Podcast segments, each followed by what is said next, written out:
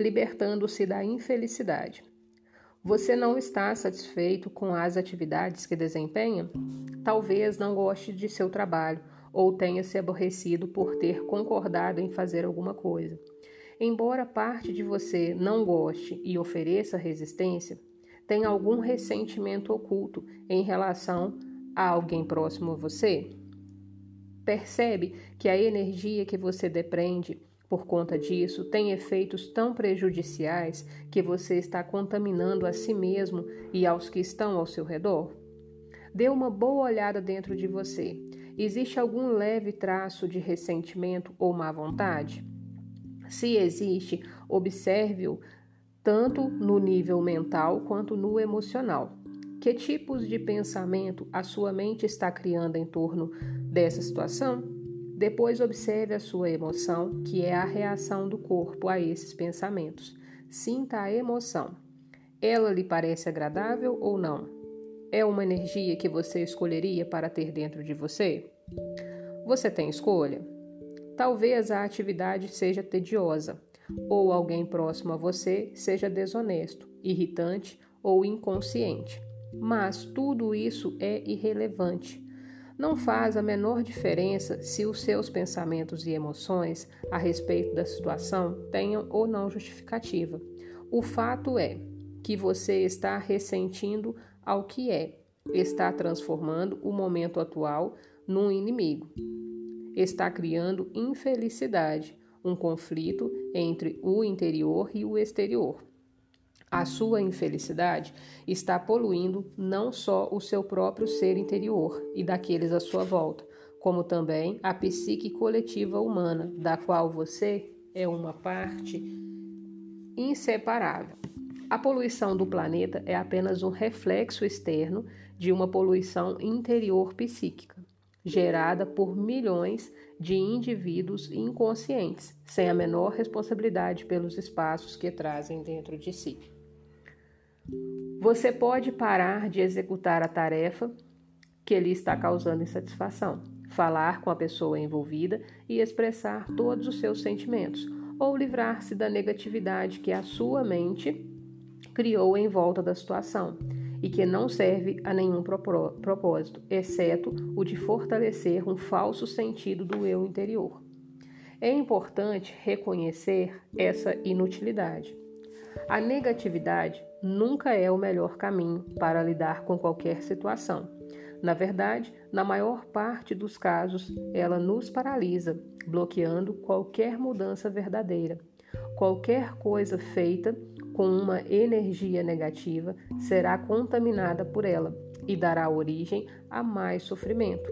Além disso, qualquer estado interior negativo é com é contagioso, pois a infelicidade se espalha mais rapidamente do que uma doença física. Pela lei da ressonância, ela detona e alimenta a negatividade latente nos outros, a menos que sejam imunes, quer dizer, altamente conscientes. Você está poluindo o mundo ou limpando a sujeira? Você é responsável pelo seu espaço interior, da mesma forma que é responsável pelo planeta. Assim, no interior, assim no exterior. Se os seres humanos limparem a poluição interior, deixarão então de criar a poluição externa. Como podemos nos livrar da negatividade? Descartando-a. Como nos livramos de um pedaço de carvão em brasa que está em nossas mãos? Como nos livramos de uma bagagem pesada e inútil que estamos carregando? Reconhecendo que não desejamos mais sofrer nem carregar peso e deixando-os de lado. A inconsciência profunda, como sofrimento físico ou outro sofrimento profundo, como por exemplo a perda de uma pessoa amada, quase sempre necessita ser transformada através da aceitação, combinada com a luz da presença, ou seja, através de uma atenção constante. Por outro lado, muitos padrões da inconsciência comum podem ser simplesmente descartados ao percebermos que não os queremos ou que não precisamos mais deles, que temos uma escolha e que não somos só um feixe de reflexos condicionados. Tudo isso indica que somos capazes de acessar o poder do agora.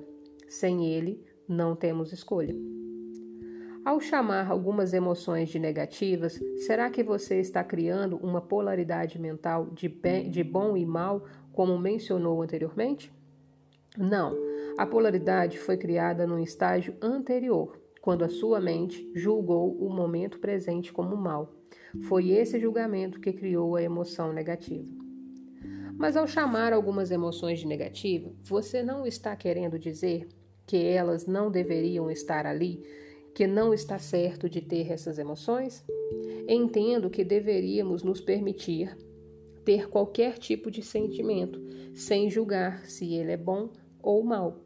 Não há nada demais em estar com raiva, de mau humor, ou seja lá o que for. Do contrário, não sentiremos reprimidos, em conflito interior ou rejeitados. As coisas estão bem do jeito que são.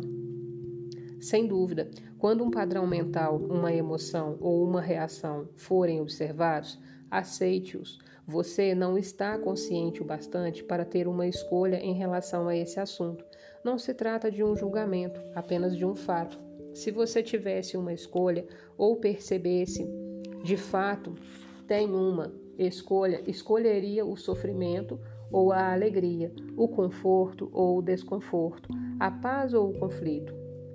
Escolheria um pensamento ou um sentimento que separasse você do seu estado natural de bem-estar, da alegria, da vida interior?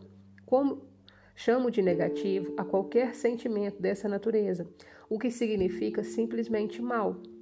Não no sentido de você não deveria ter feito isso, mas simplesmente o mau sentido concreto, como sentir dor de estômago.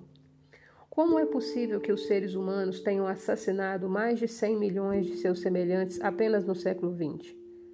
Pessoas infligindo um sofrimento de tal magnitude umas às outras está além de qualquer coisa que você possa imaginar. E isso sem considerar a violência física, mental e emocional, a tortura, o sofrimento e a crueldade que os homens continuam a infligir uns aos outros, bem como os outros seres vivos.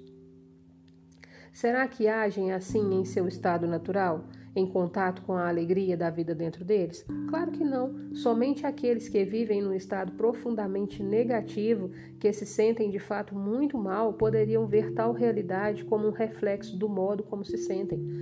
No momento, essas pessoas estão empenhadas em destruir a natureza e o planeta que nos sustenta. Isso é inacreditável, mas é verdadeiro. O homem é uma espécie perigosamente insana e doente. Isso não é um julgamento, é um fato. É também um fato de que a sanidade está lá, por baixo da loucura. A cura e a redenção estão disponíveis nesse exato momento. É verdade que, quando aceita seu ressentimento, o mau humor, a raiva e etc., você não sente mais a necessidade de manifestá-los de maneira cega e tem menos chance de projetá-los sobre os outros. Mas eu me pergunto se você não está se iludindo.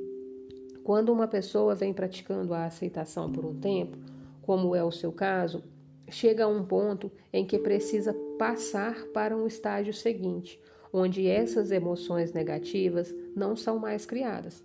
Se você não passa a aceitação, se torna apenas um rótulo mental que permite ao seu ego continuar a ser, tota, ser tolerante com a tristeza e, dessa forma, fortalecer o sentimento de separação das outras pessoas, do seu ambiente, do seu aqui e agora. Como você bem sabe, a separação é a base do sentido de identidade do ego. A aceitação verdadeira poderia transformar tudo de uma vez por todas. E se sabe bem lá no fundo que tudo está bem. Como você diz, será que esses pensamentos negativos viriam em primeiro lugar? Se não houver julgamento nem resistência ao que é, elas nem surgirão. A sua mente diz que tudo está bem, mas no fundo você não acredita nisso, e assim os velhos padrões de resistência mental e emocional ainda estão ali. É isso que nos faz mal. Isso também não tem importância. Você está defendendo o seu direito de ser inconsciente ou o seu desejo de sofrer? Não se preocupe, pois ninguém vai lhe tirar esse direito. Ao perceber que um determinado tipo de alimento lhe faz mal, você continuaria a comer aquele alimento e insistiria em afirmar que não se importa em passar mal? Onde quer que você esteja, esteja por inteiro.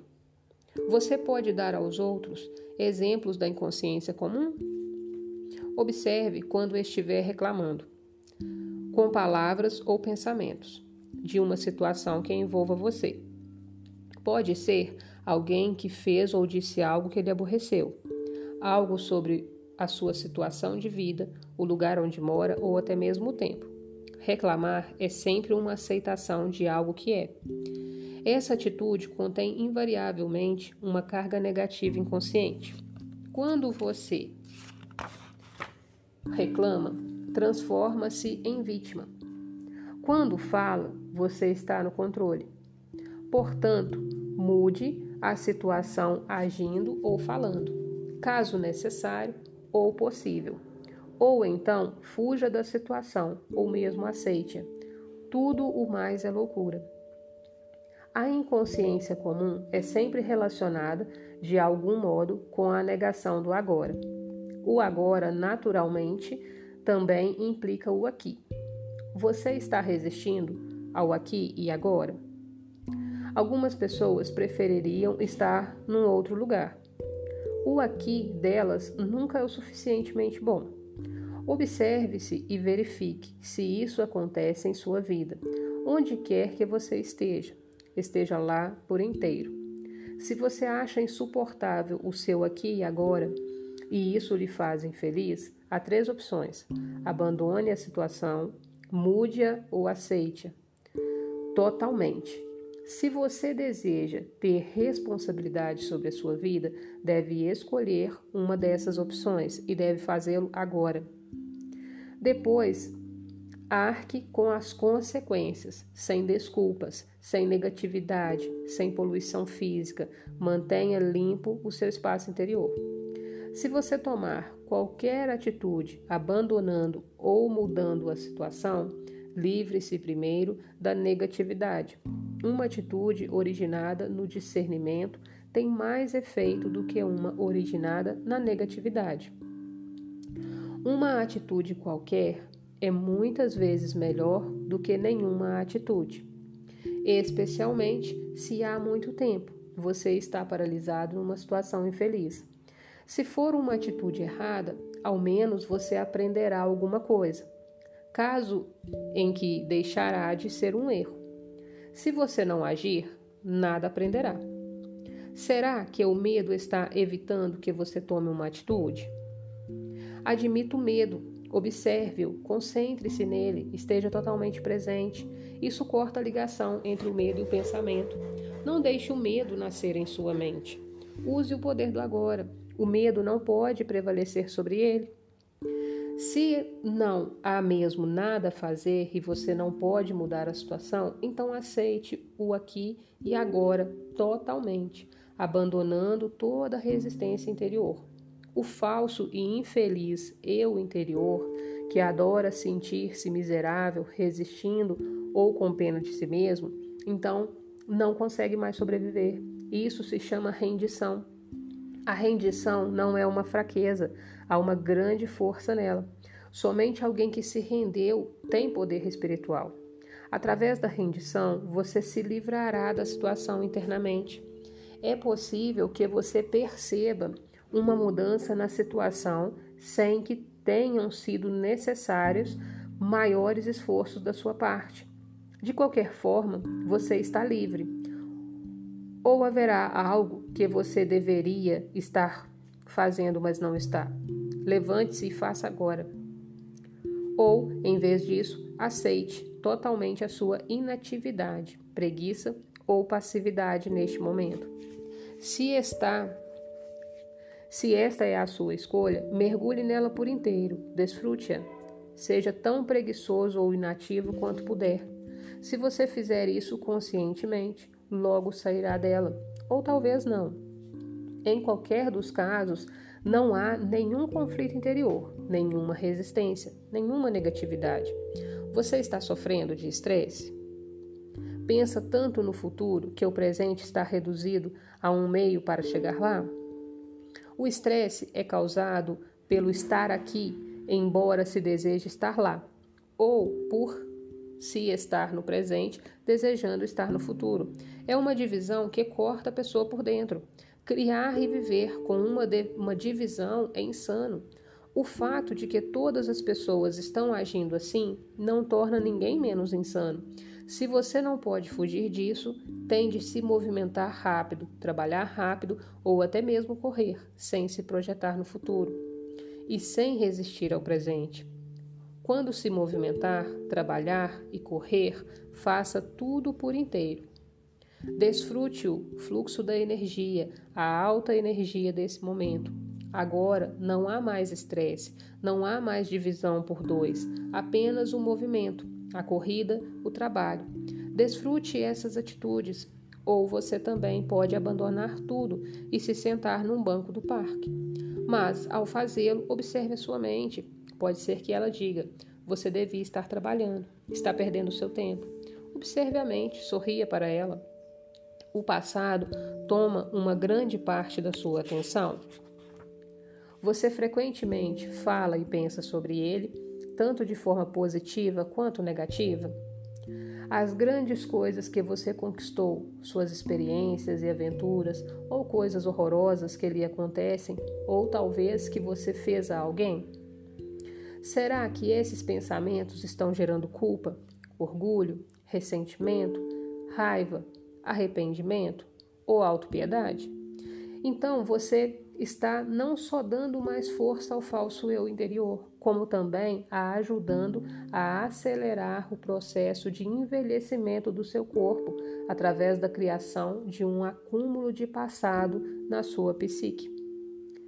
Constate isso observando a sua volta. Aquelas pessoas que têm uma forte tendência para se apegar ao passado. Morra para o passado a cada instante. Você não precisa dele. Refira-se a ele apenas quando totalmente relevante para o presente. Sinta o poder do momento presente e a plenitude do ser. Sinta a sua presença.